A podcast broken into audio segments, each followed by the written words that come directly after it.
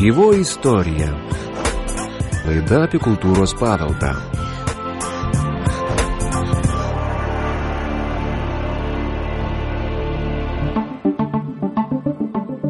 Labadiena, prie mikrofono žurnalistė Inga Berulienė. Mokslininkas ir vienuolis, pedagogas ir botanikas, vaistažolininkas. Štai toks įvairiapusis buvo Jurgis Ambrazijus Pabrėža, gyvenęs 18-19 amžiaus sandūroje. Šiandien jis apibūdinamas ir kaip išvalgus mokslininkas, jautresėlis gydytojas, didis savo krašto istorijos mylėtojas. Minės uždegęs oratorius ir dvasininkas, kuris savo gyvenimą ir talentą buvo paskyręs žmonėms. Gal ir nieko keisto, kad jo vardas šiandien geriau prisimenama Žemaitijoje, o ne visoje Lietuvoje. Kaip sako kalbos istorikas profesorius Gedrius Subačius. Jurgis Pabrėža gimė 771 metais Žemaitijoje, buvo 22 metais vyresnis už Daukantą, apie 30 metų vyresnis už Valančių, bet juos abu pažino matyt ir žinojo apie Pošką, planavo važiuoti pas poškų į svečius, turbūt niekad nenuvažiavo. Jeigu kalbėtume apie žemaičių inteligentiją iki 31 metų sukilimo, tai jisai būtų vyresniosios kartos atstovas. Jis pasirinko kunigo kelią, paskui pasirinko vienuolio kelią ir niekam jis turbūt nepasakė, kodėl taip jisai padarė. Bet aistra jo buvo botanika, jisai tikrai buvo daug platesnio žvilgsnio žmogus negu tiesiog katalikų bažnyčios tarnas. Šiandien laidoje kalbėsime ne tik apie Jurgio pabrėžos nuopelnus silovados, botanikos ir medicinos rytise, bet ir jo didįjį veikalą augalų sistematikos studiją - botanika - Taislius auguminis, kuriame pabrėža pirmasis pabandė sukurti botanikos terminiją žemaičių tarme.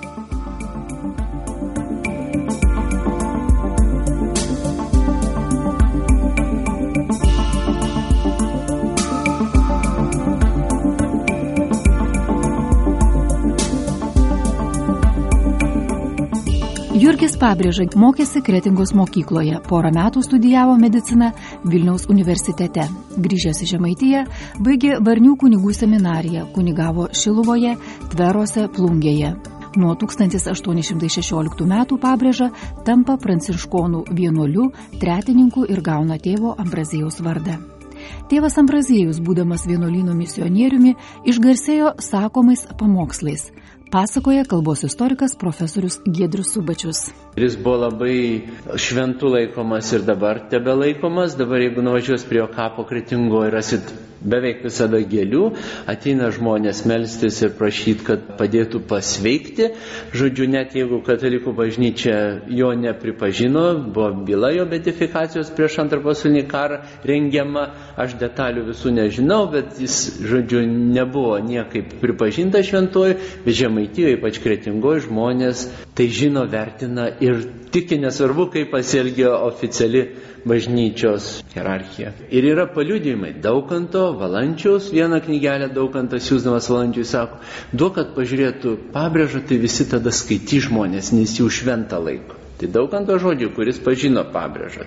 Jie buvo draugai geri, aš manau, su pabrėža. Valančius irgi savo žemaičių viskupijoje yra parašęs, kad užtenka pabrėžai lipti į sakyklą ir pasakyti, tėve mūsų, ir jau sako, visi, visi bus geresni žmonės, šventesni taps. Jau jie priima jį, ką be pasakytų, žodžiu, buvo labai vertimas. Tai jo pamokslų, pažiūrėkim, yra išlikę dabar trys stori.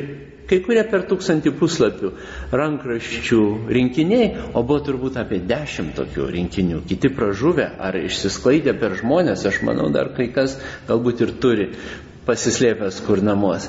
Jisai labai daug pamokslavo, ten įrašyta, kur sakė kokį pamokslą, jis labai preciziškai užrašyta. Po visą žemaitiją važinėjo visur ir jį kvietė matyti ir jis pats norėjo bendrauti tiesiogiai su žmonėm, jis buvo labai socialus, labai pažįstantis žmonės, labai praktiškai iš konkrečios situacijos darantis daugelį, bet kokių savo gyvenimo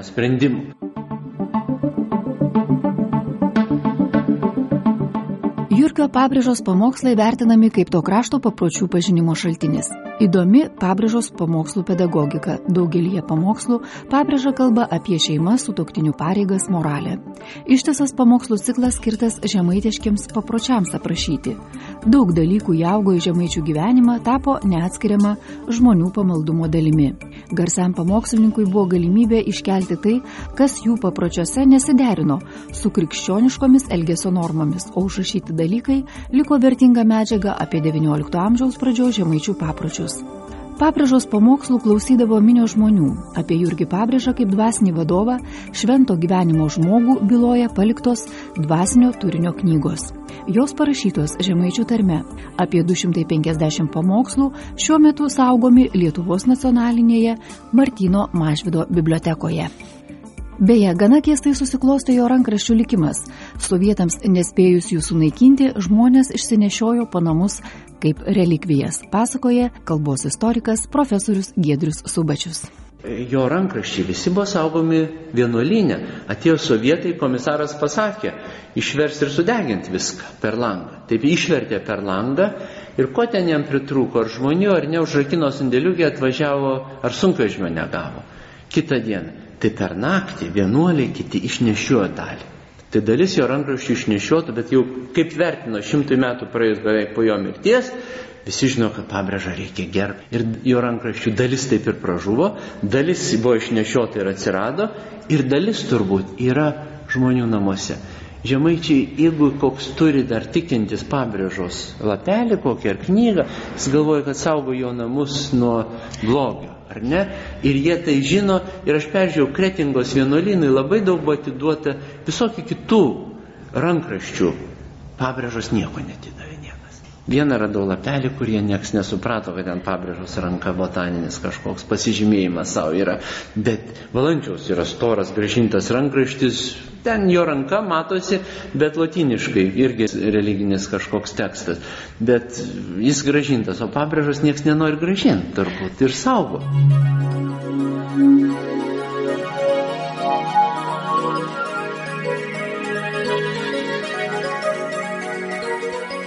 Jurgis pabrėža, kurį laiką mokytojavo Kretingos mokykloje, iš kurios yra išėję nemažai kunigų, gydytojų, istorikų. Dėstė lotynų kalbą, gamtos mokslus, geografiją ir tikybą. Platino lietuviškas knygelės, net Simonas Daukantas jam siūsdavo platinti savo parašytų knygelių. Vyskupui Motijui Valančiui pabrėžą siuntė medžiagą rašomai žemaičių viskupystai. Panašu, kad bendravimas su šiais vyrais įkvėpė pabrėžą imtis ir savo mokslinės studijos bei kitų rašymų darbų. Iš pabrėžos susirašinėjimo su Simonu Daukantu ir Motijumi Valančiumi matyti, kaip labai jie sėlojosi dėl žemaičių kalbos rašybos ir jos tobulinimo, kad ji taptų literatūrinė kalba. Pabrėža apgailestavo, jog iki šiol dar nėra žemaičių kalbos gramatikos. Įdomu tai, kad rašydama savo pamokslus, pabrėža naudojo vieną kalbos išraišką, o mokslo darbams rašė dar kitą, specialiai mokslui pritaikytą žemaičių kalba. Kaip sako Giedrius Subačius. Kas įdomu, mes galim kalbėti apie jo dvi skirtingas rašybas. Viena buvo taikoma jo pamokslų tiem rinkiniam, daugybė pamokslų parašyta viena rašyba, kita rašyba jo buvo suformuota botanikos veikalam, bet ir daugiau. Aš bandžiau išknist, kiek radau visokių veikalėlių. Pavyzdžiui, jūs bibliotekoje turit jo geografijos vadovėlį parašytą. Jo ranka nedidelis yra pirmas lietuviškai, žemaitiškai parašytas vadovėlis, irgi ten yra tos jo moksliškesnės rašybos variantai. Kitaip sakant, jis labai skyrė, kad pamokslai, kur mes kalbam iš sakyklos ir netaip svarbu, kaip ten užrašyta, o šitie jau yra rašto darbai, jie turi kažkaip kitaip funkcionuoti. Tokia profesinė kalba. Profesinė daugiau, pavyzdžiui, ką jis įsivedė į tuos raštus, įsivedė dvigubas raidės ilgiesiam žymėti ir kirčiuotėm ilgiesiam. Labai keistai atrodo, mes lietuvių rašybos tradicijoje beveik neturim, kokie suomiai tai jie turi. Mes neturim. O pabrėžos tas taislių sauguminis pagrindinis jo veikalas yra ta rašyba ir parašytas visas. Pailginti visi žodžiai. Arba šž, š garsą rašė s, z ir du ženkliukus dėjo ant s ir ant ž. Žodžiu, kad būtų š. Per daug tarsi. Niekas taip kitas nedėjo. Jis nusprendė, kad nori rašyti fonetiškai. Tai jo labai įdomus yra kalbos, man regis, požiūrių nusakymas ar kalbos kūrimas, kaip mes galim rašyti, ką mes galim įdėti į tą kalbą. Jis buvo žemaitis ir jis buvo apsisprendęs kurt tą kalbą rašomąją tik žemaičiam, tik tie, kurie žemaitiškai kalba. Vadinasi, net jis yra nusakęs, kiek mylių nuo jūros, aš pamatavau su liniuote, ten senoviškos mylios reikėjo padirbėti, kad atstatytum, apie 198 km nuo jūros krašto. Tai ne šiaulių nesiekia. Kitaip sakant, tai ir yra tai, ką mes dabar vadinam žemaičių tarme. Ne žemaičių viskupystė, šiaulius apimtų žemaičių viskupystė. Ar ne? Ne. Jisai labai jautė, kaip žmonės kalba ir nors nebuvo tarmių mokslo dar jo laikais tokio, kur šaitis pradėjo dar vėliau, žodžiu, vėlesni kalbininkai. Bet jis jau jautė. Ir jis sakė, rašykim visi taip, kaip kalba mūsų tėvai, kaimynai, kaip žemaičiai kalba. Ir jis tarsi bandė atriboti šitą kraštą.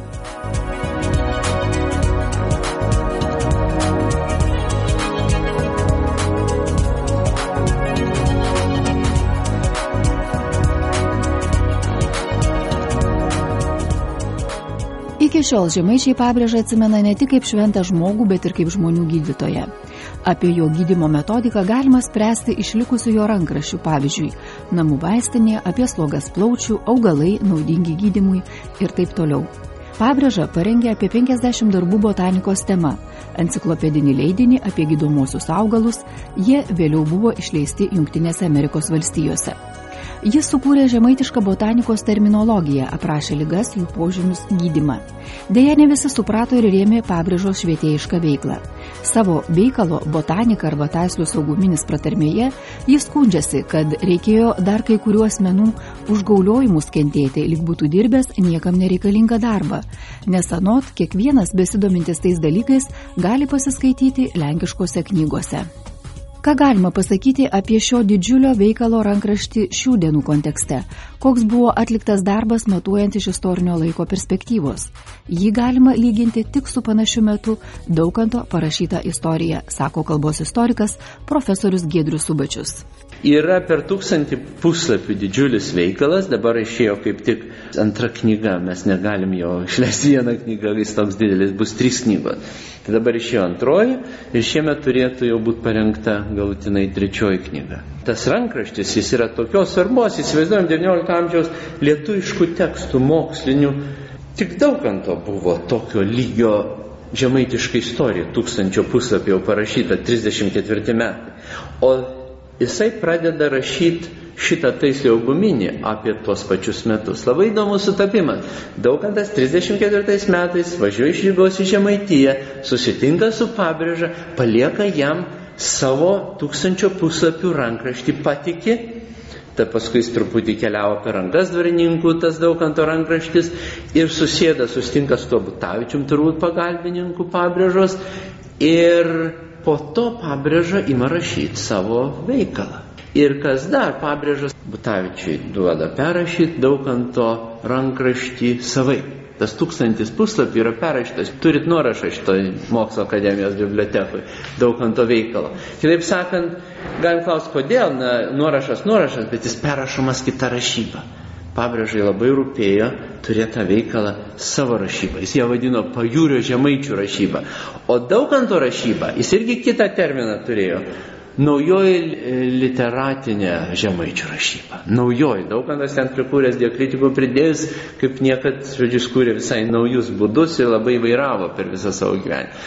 Pabrėža buvo daug nuoseklesnis, net jeigu mes kalbam apie dvi rašybas. Jeigu žiūrėtume jo kalbinę ką jisai kūrė ir ką jisai sukūrė, tai žiūrėkime, jisai prirašė veikalų, taislius augiminis parašytas jo rašyba, daug ant tos tūkstantis puslapių perrašyta žemaitiška istorija, tada buvo gramatika tokia Groso Simono rankraštinė parašyta 835 metais, vėlgi bibliotekoje mokslo akademijos jinai yra rankraštis parašytas pagal jo rašybą. Kitaip sakant, projektas mokslo veikalų rankraštinių jo žemaičių rašybai plėsti ir skleisti buvo labai labai rimtas solidus. Bėda ta, kad aš neradau ne vienos eilutės išspausdintos pabrėžai gyvam esant jo rašybą.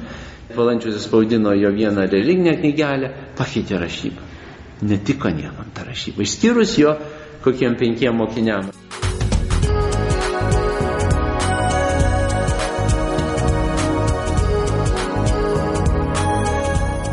Darbo sąlygos rašant veikalą Taislių guminį nebuvo lengvos. Nepaisant to 1821-34 metų laikotarpių, Pabrėža parašė geografijos vadovėlį, parengė lotiniškai žemaitišką botaniko žodyną, kuriame buvo 860 augalų vardų, kurį vėliau išplėtė iki 1400 vardų, lenkų, lotynų ir žemaičių kalbomis įvardijo visus augalus, buvusius jų herbariume. Sudarė lietuviškai lenkišką augalų morfologijos terminų žodyną. Tačiau, kad galėtum rimtai dirbti, jam dar daug ko trūko, svarbiausia - literatūros. Šitoj, pavyzdžiui, pratarmėjau jisai aiškinasi, kaip jisai pasirinko rašyti žemaitiškai. Pacituosiu gal iš atminties, kad turėjau nekuriuo sabų čidersvas išturėti. Tai vadinasi patyčias pakelti. Ir esu sapną tokį sapnavęs, kad įkritau į neišmiruojamai didelę duobę, iš kurios negalėjau išlipti su to savo projektu ir tą rašybą. Ir vis tiek jis pasiryžo rašyti. Kitaip sakant, rašė tokį mokslo veikalą, kur nebuvo ne tik lietuvių kalbos istorijai rašoma, bet nebuvo skaitytojų iš tikrųjų. Jisai įsivaizdavo, kad gal bus skaitytojų, jis gal norėjo, kad būtų, bet nelabai jų buvo. Ir vis tiek jisai darė. Kitaip sakant, jeigu padėsim daug ant to tūkstantį puslapį, jo tūkstantį toks tarsi bičiulių, vos ne konkurencija ir bandymas nenusileisti vienas kitam. Vienas istoriją parašė, kitas botaniką. Ir dabar apie reikšmę šitos botanikos. Ar mes vadiname botaniką? Tai susaugyminis, augalų sistema. Tai yra toks veikalas, kurį Išleistas buvo Amerikoje, jo kažkiek naudojasi botanika, aš jau ne botanikas, man sunku už juos sakyti, bet iš tikrųjų Dargis, kuris rašė botaniko žodyną ir vienas Tomas prieš antrą pasaulinį karą spėjo išeiti Lietuvoje, labai daug ką ėmė ir pritaikė iš pabrėžos. Kai ką atmetinėjo, kai ką tiesiog tas ir rankraštis buvo žinomas ir tas perdarytas dalis to spaudinio buvo žinoma, labai rėmėsi ir buvo autoritetas. Ir dabar botanikai, kurie nors kiek pasidomi botanikos istoriją, pabrėžą vadina savo tėvų. Jo terminų turbūt, aš negaliu jums pasakyti dabar konkrečiai, bet jie yra įtvirtinti ir dėl pabrėžos, kai kurie mūsų dabartiniai botanikos terminai.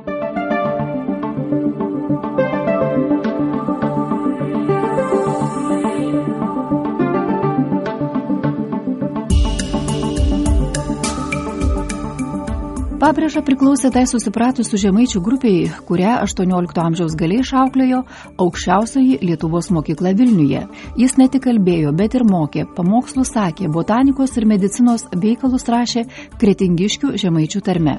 Vienas jo draugas Lenkas ar sulenkėjęs lietuvis jam kartą pastebėjęs, kad nesą prasmės gaišinti laiką rašant lietuviškai medicinos ir botanikos veikalus, nes daug esą puikios šios ryties literatūros Lenkų kalba. Jurgis Ambrazijus Aleksėjus Pabrėžas sukūrė unikalią žemaičių rašybą. Ir tos rašybos įdomumas – tai tradicinės 18 amžiaus lietuvių kalbos ar lenkų kalbos ortografijos pritaikymas žemaitiškiams tekstams. Paradoksalu tai, kad originalūs Pabrėžos tekstai pirmą kartą dienos šviesą išvydo tik 2009 metais. Šį darbą atliko Lietuvių kalbos institutas. Antrasis tomas – botanika arba taislių sauguminis buvo pristatytas visuomeniai šį pavasarį. Parengti pabrėžos rankrašius leidimui yra didelis iššūkis leidinio sudarytojams, sako kalbos istorikas Gedrius Subačius. Jis yra toks ir sunkus išleisti, ten korektūra skaityti, ten yra milžiniško darbo, reikia mokėti žemaitiškai ir žinot, kaip interpretuoti. Ir Tutė Petrokienė ir Ona Kažukauskaitė, jos ten labai smarkiai dirba, abi žemaitės ir kalbininkės ir su didžioju žodynu daug metų dirbusios, sunku įsivaizduoti geresnių specialistų rengiančių šitą darbą. Su parengti nesunku. Dabar išleis, matėt, sunku pakelt vieną tomą, bus trys tomai, ar ne?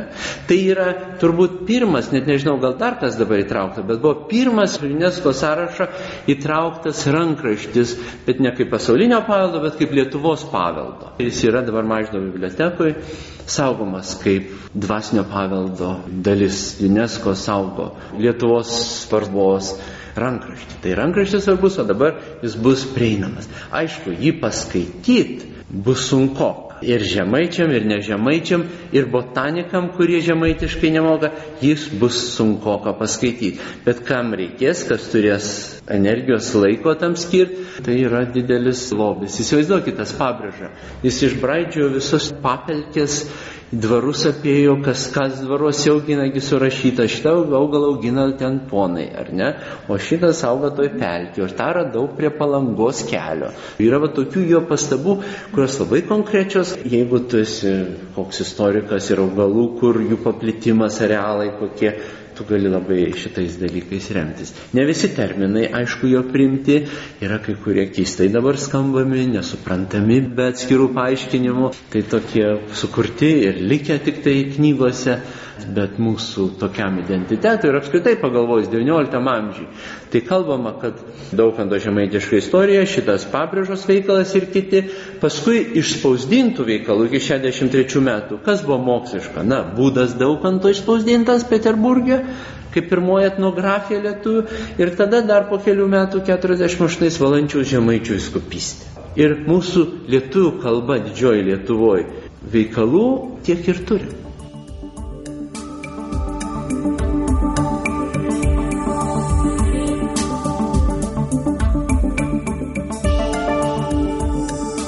Pabrėžą palaidojo vienuoliai senose kretingos kapinėse ir ant jo kapo pastatė akmeninį kryžių su iškaltų jo vardu ir pavardė, gimimo ir mirties data. Pabrėžos šventumo garsas dar jam gyvam esant buvo plačiai pasklidęs. Jis gydęs vargšus gyvas būdamas tebe gydo juos ir miręs. Jo kapą lankė ir tebe lanko maldininkai. Uždega žvakeles, meldžiasi prašydami malonių. Kartu tai asmenybė atlikusi didžiulį botanikos mokslo ir kalbos įtvirtinimo darbą. Tai buvo pirmasis mokslininkas, apsisprendęs kurti žemaičių bendrinę kalbą pasaulietiniams tekstams. Apie Jurgio Pabrėžos asmenybę, veiklą ir nuopelnų šiandien laidoje pasakojo profesorius Giedrius Subačius, kalbos istorikas, Ilinojaus universiteto Čikagoje ir Lietuvių kalbos instituto mokslo darbuotojas. Šią laidą rengė ir su jumis atsisveikina žurnalistė Inga Berulienė, sudė susitiksime vėl po savaitės. Laidą remia spaudos radio ir televizijos remimo fondas viešoji įstaiga aktualioji istorija.